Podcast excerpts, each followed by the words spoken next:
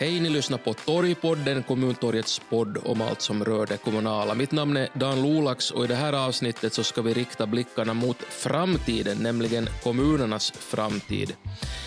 I början av februari blev nämligen en rapport om kommunernas och kommunalpolitikens framtid klar.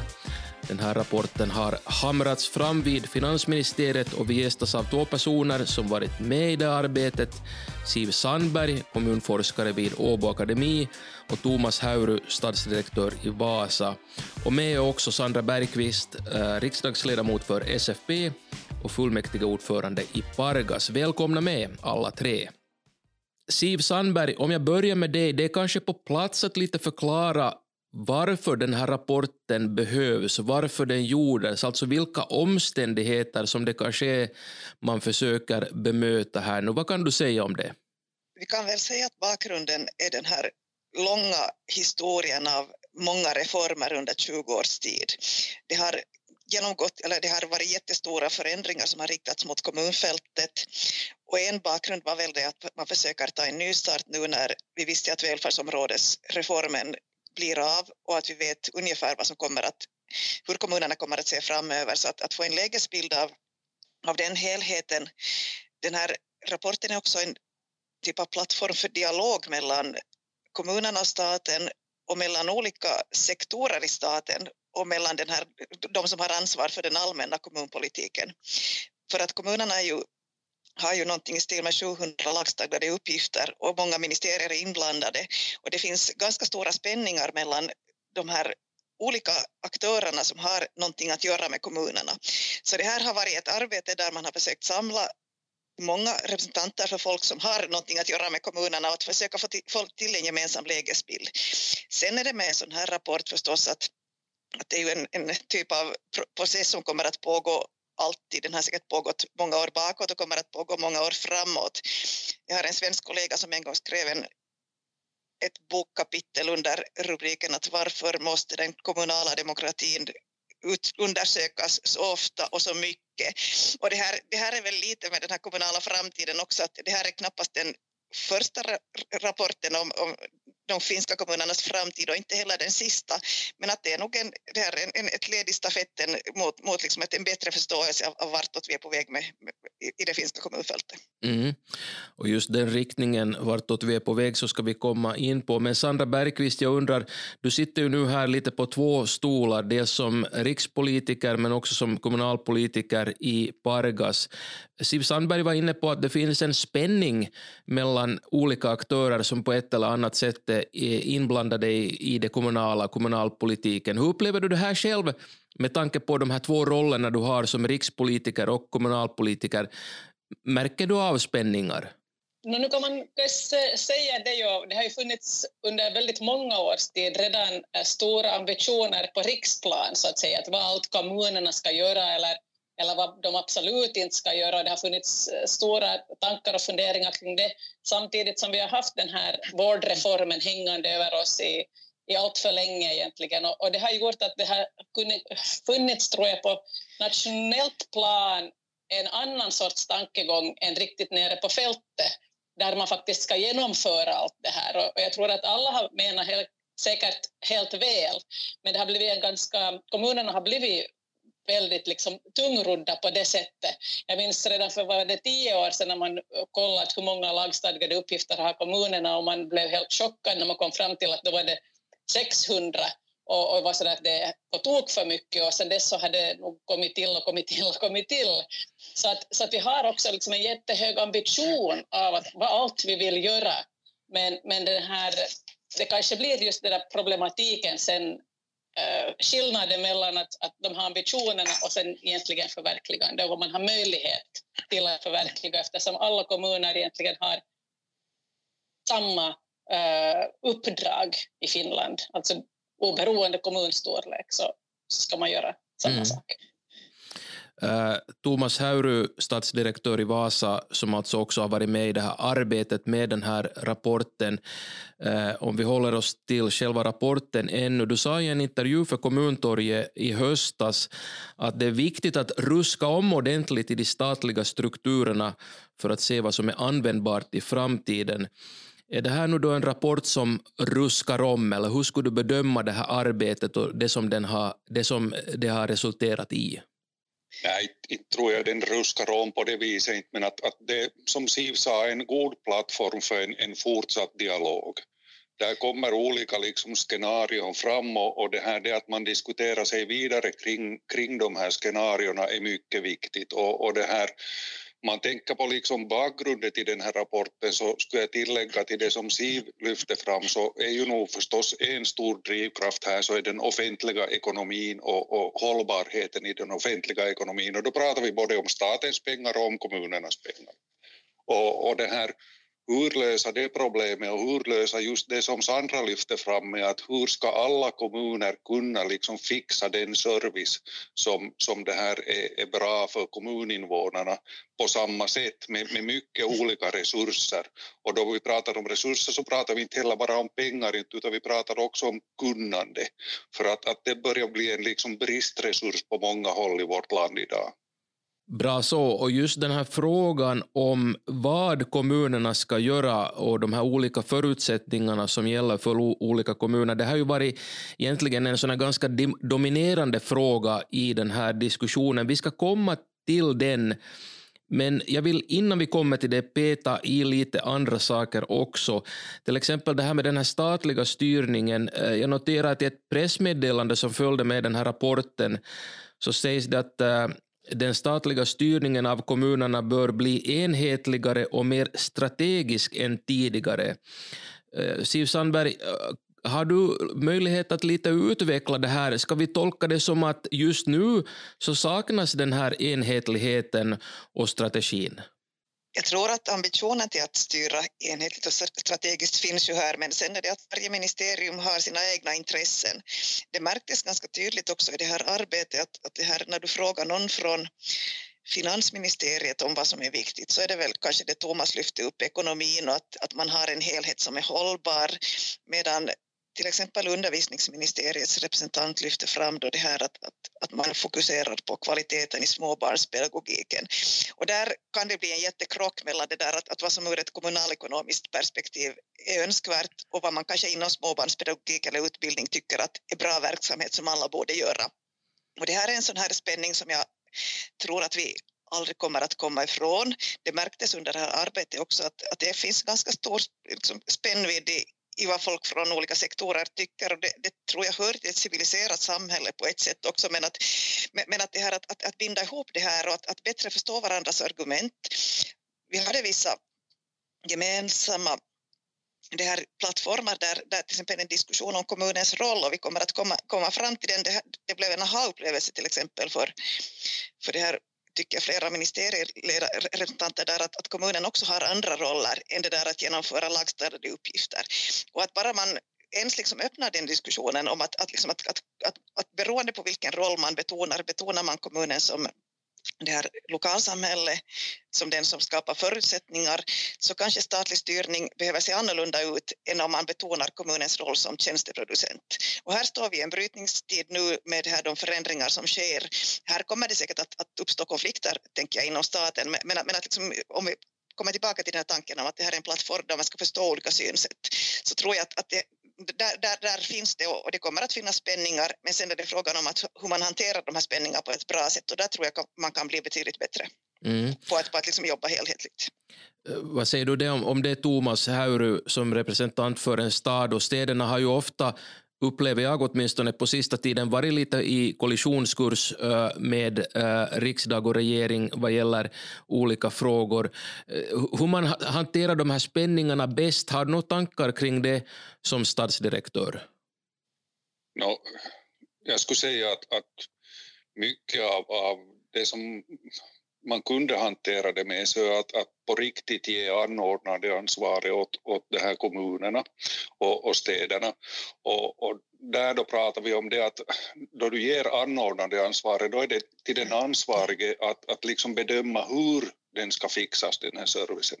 Idag så har vi en, en det här lagstiftning som, som går in och, och mikromanagerar ganska mycket av det vad kommunerna gör. Och, och det här är någonting som förstås skapar eh, spänningar eh, mellan, mellan stat och kommun. Och, och, och där är någonting att tänka på i de kommande reformerna, till exempel om vi tänker på den här arbetslöshets eh, och, och näringslivsservicen som ska flytta över från staten till kommunerna, så där är ett, ett praktexempel på hur man liksom lätt kan överregulera en, en sån här, ett anordnande ansvar. Sandra Bergqvist, du nickar här när eh, Thomas Hauru pratar om att man går in och detaljstyr istället för att ge viss frihet åt kommunerna. Eh, håller du med om det också som rikspolitiker? Ja, jag kan nog hålla med om det och, och det finns säkert or, orsaker till det också för eh, jag kan tänka mig att det finns ofta olika politiska synsätt på hur saker och ting ska skötas och, och för att få det så att säga att gå den väg som man själv vill så, så, skriver man in hur man ska göra det framom kanske de målsättningar som är de viktigaste. Och, och det här är förstås för att var och, en, var och en vill lämna lite fotspår efter sig och det blir ibland lite problematiskt, det måste jag hålla med om. Och, och, kanske också den strukturen som vi har, att var och en regering gör upp sitt eget regeringsprogram och där har man ambitiösa mål och så försöker man snabbt under en fyraårsperiod få igenom någonting och, och sen blir det följande regering som sen försöker få igenom någonting och då blir det kanske nog att det här långsiktiga strategiska faller bort. Att det är inte första gången som man har tagit upp och funderat där att borde vi ha parlamentariska arbetsgrupper som sitter och funderar på det här så vi får en långsiktighet och kanske på det sättet en jämnare utveckling istället för att det kan bli ganska sådär politiskt hoppigt beroende på vilka partier som sitter i vilken regering. Och, och det här är nog att, att föredra också kanske skulle jag säga för, ur kommunernas synvinkel för att man hinner inte köra igång så farligt mycket under fyra års tid. Fyra års tid är väldigt kort, så man hinner bara liksom köra igång det, men man hinner inte se liksom slutet av det under en och samma regeringsperiod. Och då blir det ofta sen att det ja, det, det, kan bli lite besvärligt och, och, och, och, svårt att egentligen genomföra för man kanske inte har tänkt så långt. Jag mm. håller nog med om det här. Thomas Haure, du vill flika in någonting här också? Ja, en, en, sak till som gör den här statliga styrningen nog mycket splittrad så är förstås det att man har gått in för en modell där man vill liksom från statens sida styra utvecklingen och utvecklingsprojekt via just projektmedel. Så att, att äh, miljöministeriet har sin egen projektportfölj, eh, handels och industriministeriet har sin egen projektportfölj och kommunerna som ska liksom hoppa mellan olika ministerier och hoppa mellan olika projektportföljer så vi, vi hamnar in i en liksom otrolig liksom mängd med projekt och det här gör nog det att man, man liksom tappar lätt synen på att vad är helhetsstrategin här i den här styrningen. Mm. No, på tal om det, liksom det att den här långsiktigheten kanske saknas så att uh, varje regering vill kanske sätta sin prägel på kommunalpolitiken och starta upp nya projekt. Nu är vi då mitt i, eller någonstans i början kanske, av den här social och hälsovårdsreformen som ska flytta över vården till uh, välfärdsområdena från kommunerna. Uh, Thomas Haurud var också inne på den här arbets och, och, och näringstjänsterna som ska flyttas över till kommunerna. Vi har sett andra reformer, till exempel den här med läroplikten. Och allt det här så betyder ju att kommunerna får mer att tänka på oavsett i vilken riktning då de här förändringarna går. Men hur är det, om vi ännu tar den frågan, alltså eh, Säger den här rapporten någonting om behovet av reformer eller är det så att eh, orken i kommunen och kommunerna nu har trytit? Att finns det liksom ork för mera reformer? Vad säger Siv Sandberg? Jag tror att den här arbetsgruppens bedömning är att det kommer att finnas behov för reformer men att kommunfältet inte orkar med några stora reformer på ett bra tag. Så vi använder ju också begreppet arbetsro ganska ofta i den här rapporten och arbetsron ska förstås som, som är relativt att staten inte under de närmaste åren borde starta något megaprojekt som rör till exempel att, att ändra kommunfältet i sin helhet för att det orkar inte kommunfältet med utan, utan det finns ett behov av att, att se var de här stora reformerna landar och att det här att, att anpassa sig till livet efter dem. Men sen efter några år så kommer det att finnas ett ganska stort reformbehov, det kan man vara alldeles säker på. Mm. Thomas Haure, hur ser du på det som eh, högsta tjänsteman i Vasa och just orken med eventuellt nya reformer? Har ni tillräckligt på bordet eller finns det utrymme för mera? nu har vi alltid tillräckligt på bordet och, och, och har inte vi det så ser vi till att vi, vi skap, skapar det genom våra övriga uppgifter än, än just de lagstadgade uppgifterna. Men, men det här, jag skulle säga mera kanske som så att om man skapar ett samförstånd där var, var även man i kommunerna och, och i städerna ser idén med reformen och, och liksom förstår ändamålet med reformen och, och är liksom med på tåget så då orkar man nog med ganska mycket. Men, men sen då, då liksom det leder till det att vi får en sån här motsättning mellan stat och kommun och, och där man i kommunfältet inte riktigt ser liksom vad är vitsen med att göra allt det här. Så då, då det här ehm, förstås tryter orken mycket snabbare också. Mm. Sandra Bergqvist, jag vet inte om man kan avkräva dig ett löfte om att eh, nu tar man det lugnare med reformer, men vad säger du just om det här? Hur går diskussionen i, i riksdagen när man funderar just på sådana här åtgärder eller förändringar som man vill genomföra och sen på kommunernas roll i det här? Kommer frågan om arbetsbördan eller kanske just den här arbetsron, finns den alls med i diskussionerna? Man vet att det finns en stor trötthet på, på kommunfältet och väldigt många av dem som sitter i riksdagen så, så är ju också engagerade i, i kommunalpolitiken i sin hemkommun. Så jag tror att det, det känner man bra till att det finns en stor trötthet. Um, samtidigt så upplever jag också att det finns en liten nog entusiasm på kommunfältet, åtminstone i min egen kommun i alla fall, när man vet att nu far social och hälsovården, det är mycket på gång och hela den här förändringen så skapar också lite sådär att det, det känns också som ett momentum på det sättet för kommunerna nu att, att lite liksom, vad ska vi säga, Uh, se över sin egen organisation, vilket man är absolut tvungen till också eftersom det är så stor förändring. Och det ser jag som en väldigt positiv sak, för att jag tror att det värsta egentligen skulle vara det att om ingenting i kommunerna händer alls, utan, utan den här social och hälsovårdsdelen bara kopplas loss och, och flyter iväg och ingenting annat görs. Så, att, så att det finns nog det, men, men stora, jättestora nya eh, uppgifter eller något annat, annat än det som nu redan diskuteras så, så tror jag att man, man gärna väntar några år med för att också så att säga hinna, hinna hitta sin nya plats i, i liksom hela den här samhällsstrukturen. Mm. Siv Sandberg, du har en uppföljning på det här också. Ja, det handlar egentligen om det som Sandra var inne på. Att det här, sen är det ju också frågan om att vilka resurser har kommunerna i framtiden. Där kommer det att se jätteolika ut. Till exempel Vasastad, större städer kommer att ha liksom, tjänstemän och politiker som kan ta tag i nya frågor. Men för de allra minsta kommunerna kommer vi att se ett, ett, någonting som, som man det här ett annat arbete jag var med så brukar att tala om att man inte längre har mottagningskapacitet. Att trots att man skulle vilja gått både från statens och kommunernas sida så har man inte liksom mottaglighet att ta lyra för att man har inte tjänstemän och man har inte resurser att göra det. Och det tror jag att, att det här kommer vi att se först när välfärdsområdesreformen är riktigt i mål, att hur små organisationer kommer att vara på vissa håll, att vi kommer ju ändå att landa i en kommunal bemanning som är ungefär lika stor som det var 1970. Och trots att det är andra uppgifter så, så är det nog en ganska dramatisk förändring i tjänstemannakårernas storlek till exempel. Mm.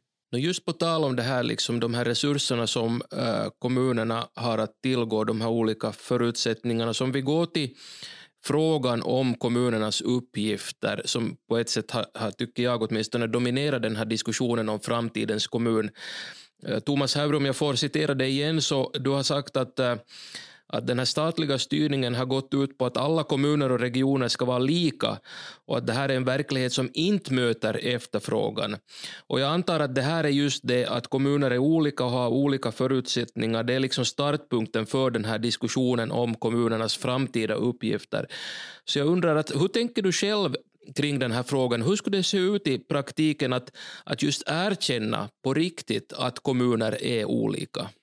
Jo, ja, ja, det här um, egentligen så tyckte jag allra mest, eller som det, det intressantaste scenario i den här rapporten så är det tredje scenario där man frångår den här enhetskommunmodellen och, och det här där var kommuner kan ha olika uppgifter, vilket vi de facto redan idag har. Att om vi tittar också på, på övriga lagstadgade uppgifter så, så det här, nu är det ju de stora kommunerna, stora städerna som, som jobbar för att utveckla livskraften i både i, i städerna men också i hela regionen.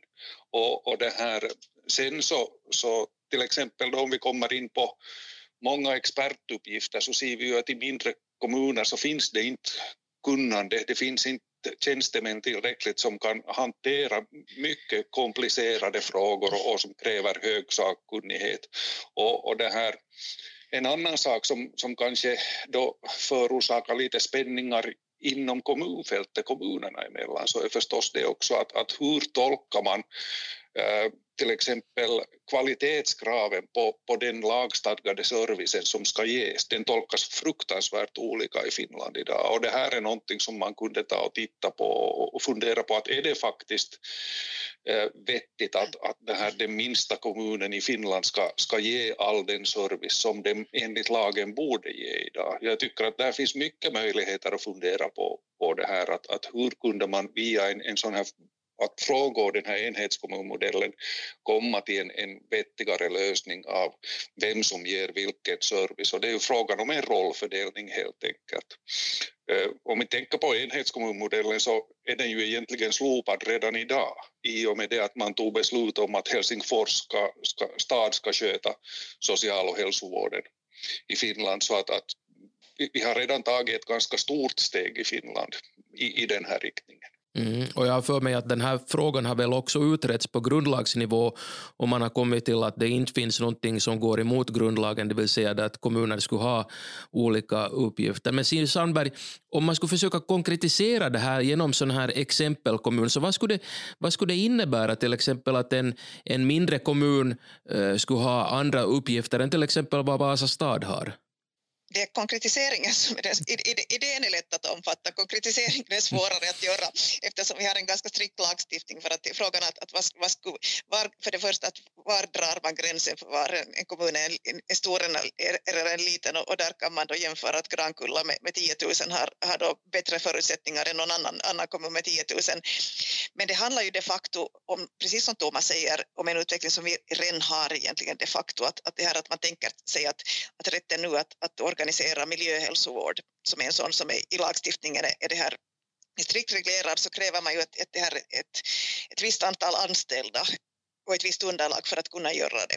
Och det där skulle man då kunna säga att, att bara kommuner som har möjlighet att upprätthålla ett visst antal anställda inom den här sektorn har lagstadgat ansvar för den.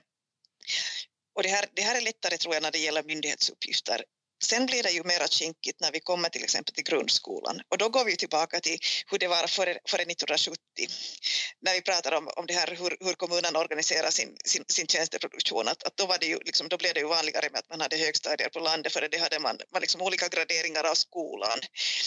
Och här, här tror jag att här kommer vi in i de här mera politiskt känsliga. Man säger då att okej okay, att om en kommun har bara en årskull med, med det här 30 barn så kan man inte upprätthålla mer än klasserna 1 till 6. Att det är ju sådana lagstiftningsåtgärder som man i praktiken ska göra för att, för att kunna få upprätthålla då det här klasserna 7 till 9 och, och det här gymnasiet så behöver man ha ett sånt och sånt elevunderlag. Att, att det, det, är ju, det är ju liksom praktiken genom sån reglering som man gör det. Sen om man tittar på historien tillbaka så det här så det är väldigt viktigt att erkänna att, att enhetskommunmodellen har nog haft en väldigt viktig roll för Finlands välfärdsstat som det ser ut idag.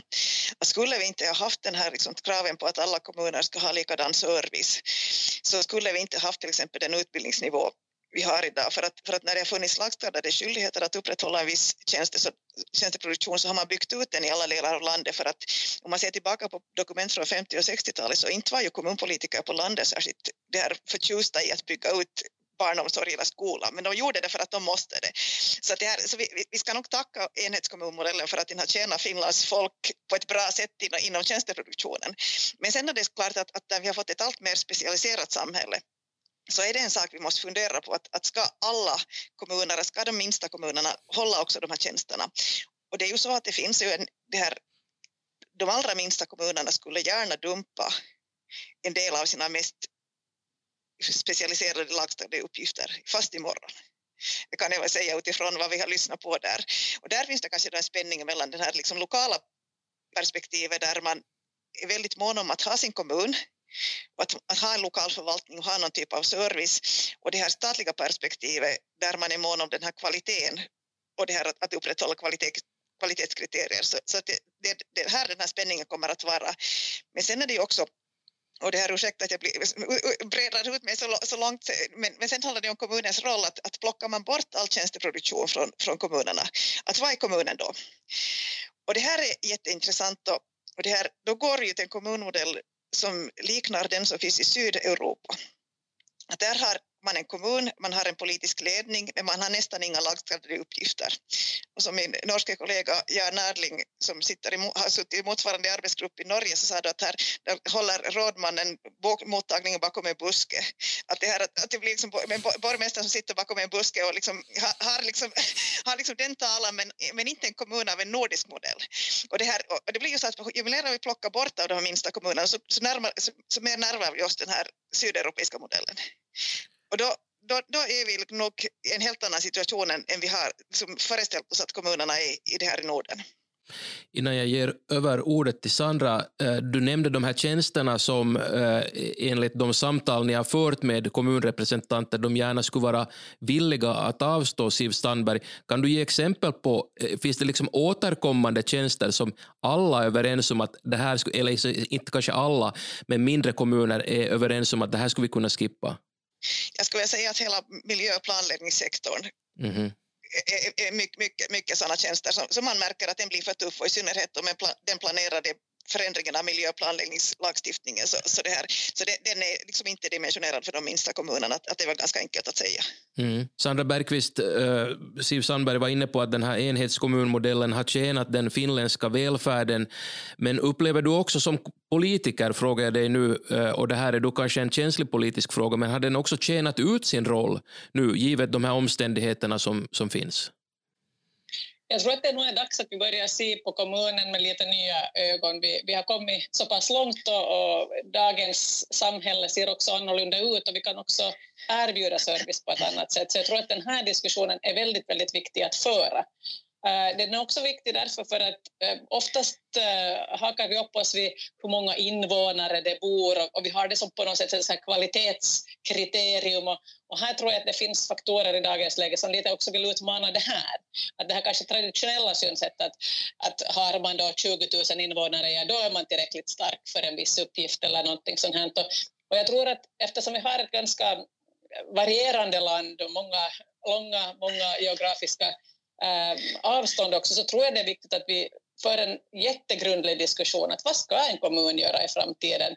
Äh, också därför för att vi tror jag vill heller skapa A och B-kommuner som på något sätt sen blir just de här att, att när man har nu en, en kommundirektör men den enda gör, det gör så är att hålla nyårstalet ungefär och så blir det inte så mycket annat. Mm. Jag tror inte att vi vill komma dit heller. Mm. Och därför är det viktigt att vi liksom eh, för nu en, en, en debatt kring det här. Jag tycker att det är ett perfekt tillfälle att, att egentligen göra det nu. Men, men just med tanke, du nämnde det här A och B-kommuner, föreligger det inte en ganska stor risk att det är just där man hamnar ifall man ger sig in på det här spåret med olika uppgifter? Då är frågan den att vad, vad, man avser med A och B. Är det bättre och sämre eller är det bara lite olika mm -hmm. på det ena sättet eller på det andra sättet? Och det är kanske det som jag gärna ser. Uh, den kommunen som jag själv representerar så är ju en sån kommun som aldrig är riktigt tillräckligt stor för att klara av någonting själv. Men däremot har vi väldigt många andra utmaningar. Alltså från vår sydligaste skola till vår nordligaste skola så tar det över sju timmar. Och det i sig så ger ett annat perspektiv att hur, hur den här kommunen kommunen ser ut. Och där vet vi att vi har många liknande kommuner också i det här landet som är på det sättet. Så att, så att istället för att kanske tala om A och B som är liksom klass 1 och klass 2 så, så har vi de olika alternativen eh, istället. Då kan man fundera på att, att vilka kommuner ska fungera, fungera på visst eh, på vilket sätt och vilka kommuner ska då upprätthålla eh, mer det här tungrodda på något sätt. Eller kan man gå tillsammans? Nu har det också Samkommunsmodellen har ju också sett som det största spöket överhuvudtaget, eller finns det då andra modeller man också kunde Thomas Hauru, nu skulle någon kunna säga att, att lätt för dig att säga som är stadsdirektör för en stor och välmående stad att, att liksom prata om att eh, kanske då främst mindre kommuner måste anpassa sig efter enligt verkligheten. Hur ser du själv på det här? Liksom att, å ena sidan så kan man beskriva det just som en väldigt uh, Eh, motiverad anpassning utgående från de förutsättningar som finns. Å andra sidan så kanske någon säger att det här handlar ju helt enkelt bara om att avveckla kommunerna, eh, en del kommuner åtminstone, eh, kanske avveckla under kontrollerade former, men ändå avveckla. Hur, hur ser du liksom på de här riskerna här om man ger sig in på den vägen? Ja, vi måste, vi måste här titta ganska liksom brett på det här. Om man tittar på liksom demografiska utvecklingen på olika håll i Finland idag så är det helt klart att vi, vi hamnar och, och tar också tråkiga beslut. För att, att det att vi, vi kan tro att vi, vi liksom har en befolkningsökning i alla områden i hela Finland i, i framtiden så är, är någonting som, som inte finns i perspektivet idag och då betyder det ju också att vi måste anpassa servicen efter det. Och, och anpassar vi servicen efter det så hamnar vi också till fundera på att anpassar vi kommunfältet också efter det.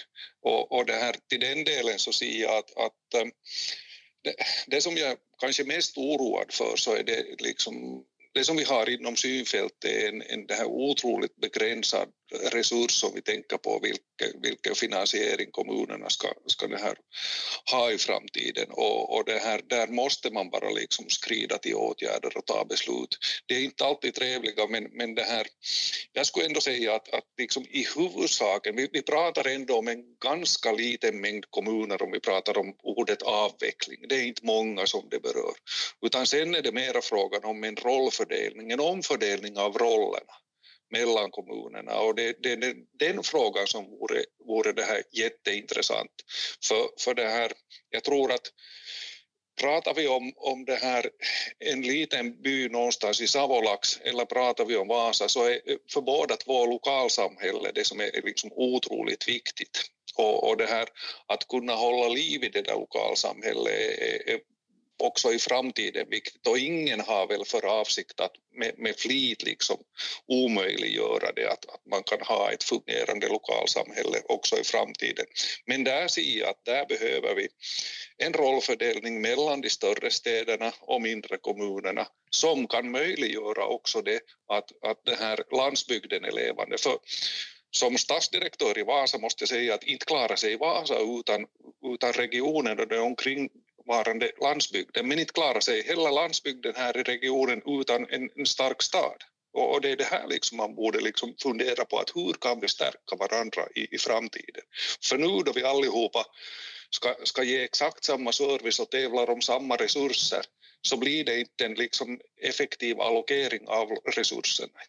Siv Sandberg, eh, just om man tänker på den här rollfördelningen, samarbetet om man så vill, att till exempel större städer skulle hjälpa Eh, mindre grannkommuner som till exempel har svårt att eh, upprätthålla en grundskola för att elevantalet är för lågt.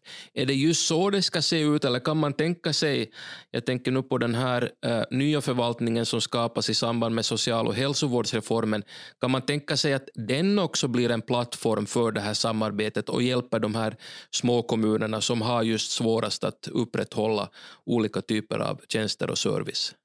Om vi går helt och hållet till en så kallad asymmetrisk modell där man tillåter olika lösningar i olika delar av landet så tror jag att det är en alldeles möjlig lösning. Det beror också på vilken starkare nivå du har att tillgå. När man i till exempel Norge och Sverige har funderat på det där att, att vad är kommunernas roll i framtiden så har man funderat på den här uppgiftsväxlingen mellan regionerna och kommunerna. Nu är det ju politiskt sett lite osäkert att vartåt utvecklas välfärdsområdena. Och det kommer förstås att bli, bli en, en, en riktning. Men, men jag tror att, att det, det, det är liksom till de två ifall man inte går till kommunsammanslagningar som inte heller är en bra lösning på alla ställen för att du behöver att ha tillräckligt stort underlag så är det antingen så att, att en större kommun eller sen då i några fall kanske välfärdsområde. Men det är ju sen då en, en lösning som ligger ganska långt i framtiden.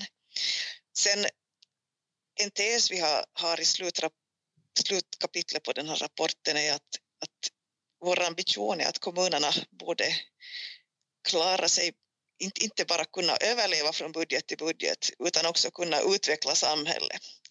Och det här finländska kommuner är överlevnadskonstnärer och, och det, här, det här är någonting som nästan har, har liksom på något sätt fastnat på att, att det här att, att man man, man, är så van med det att gå från budget till budget och okej, nu klarar vi ett år till och så vi går ett år till.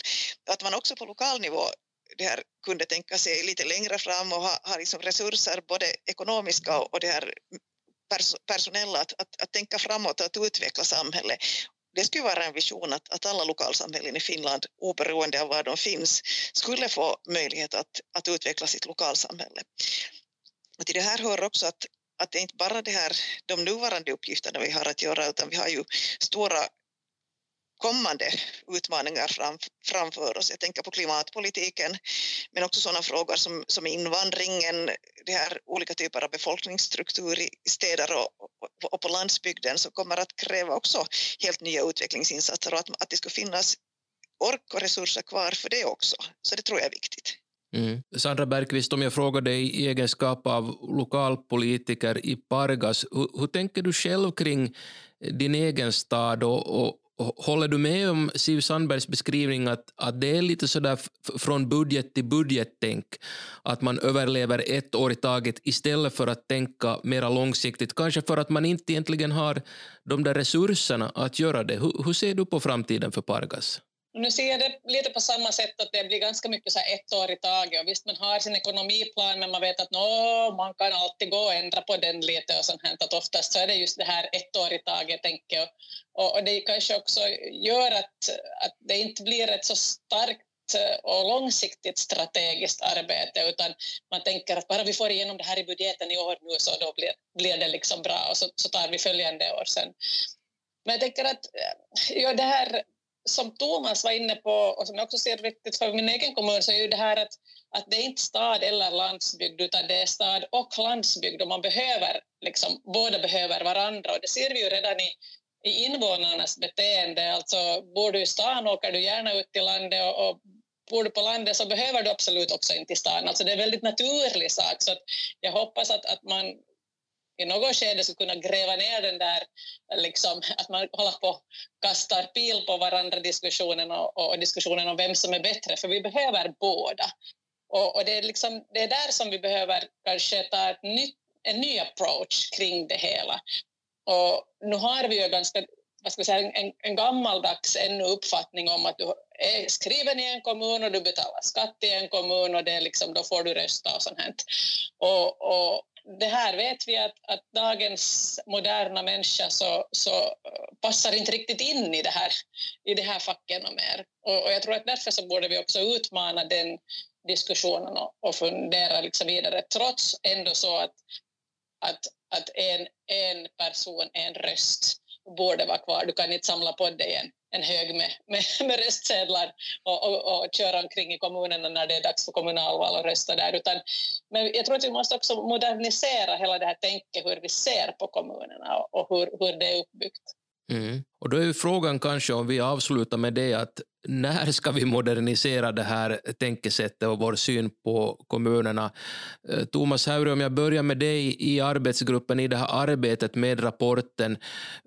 Fanns det tankegångar eller diskussioner kring hur bråttom det här nu är? För att vi pratar ju om framtidens kommun, men någon skulle kanske säga att framtiden är redan här. Det är nu som vi måste börja tänka på de här sakerna. För att, eh, som vi var inne på här tidigare, att demografin för Finland ser inte väldigt lovande ut och, och det kanske handlar om en, en 10-20 år så kommer den här offentliga ekonomin riktigt inte att kunna bära den här demografin som den nu ser ut. Hur, hur diskuterar ni i arbetsgruppen? Fanns det tankar kring detta?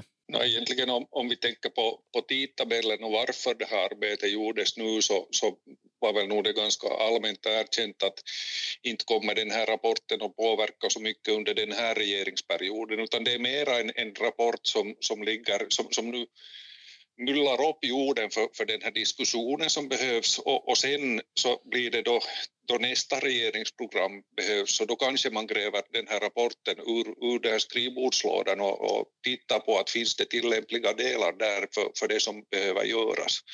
För att, att vi vet ju nog också att, att fiskala politiken och, och den här budgetpolitiken kommer troligtvis att bli ganska mycket mer ansträngd i nästa regeringsperiod. Och då, då, kom, då tittar man snabbt på kommunfältet igen, att jaha, vad är det vi kan göra nu för att, att liksom bära upp finanserna. Mm. Siv Sandberg, hur ser du själv på uh, förutsättningarna för att någonting eh, på riktigt ska hända under sig nästa regeringsperiod? Det här är ändå en, en väldigt politisk fråga på många sätt, som vi har sett också med välfärdsområden, att, att, att, liksom att hur förvaltningar byggs är inte bara en teknisk fråga, utan det finns väldigt mycket politiskt intresse av det, precis som det finns ett politiskt intresse att till exempel då bevara kommunerna som de är nu. Vad tänker du själv om det arbete som borde ta vid? Jag tror för det första att den här tanken om att man ska jobba med arbetsro och långsiktighet så gör ju att, att det här att om det går bra så, så vidtar följande regeringar inte sådana åtgärder som går tvärs emot den väg man har, har, har börjat nu. Det skulle vara det allra värsta, att riva upp välfärdsområdesreformen eller, eller, eller bestämma sig för någonting helt annat. Att det här, om man tänker att det är grund, grundtonen så är det ju en, också en typ av av bejakande av att, att, det här att utveckling är bra och att vi också uppmanar kommunerna att, att ta vara på den potential som finns och att man inte ska stå stilla där. Så det tror jag också är ett budskap och det är ju någonting som inte är beroende av, av det här politiska riktlinjer. Sen frågan om, om till exempel hur, hur långt i framtiden ligger en eventuell situation där, där man skulle ta bort enhetskommunmodellen och gå in för någon annan lagstiftning. Så det tror jag nog ligger längre bort än, än nästa regeringsprogram. Men den här utvecklingen, tanken om att, att det här att vi har i stort sett de kommuner vi har och vi behöver hjälpa till lite bland, bland de som har, har det svårast och att, att ge kanske lite större frihetsgrader åt de stora städerna. Så, så det är ju en riktning som egentligen inte är så där väldigt beroende av, av, av politiska konjunkturer, tänker jag åtminstone.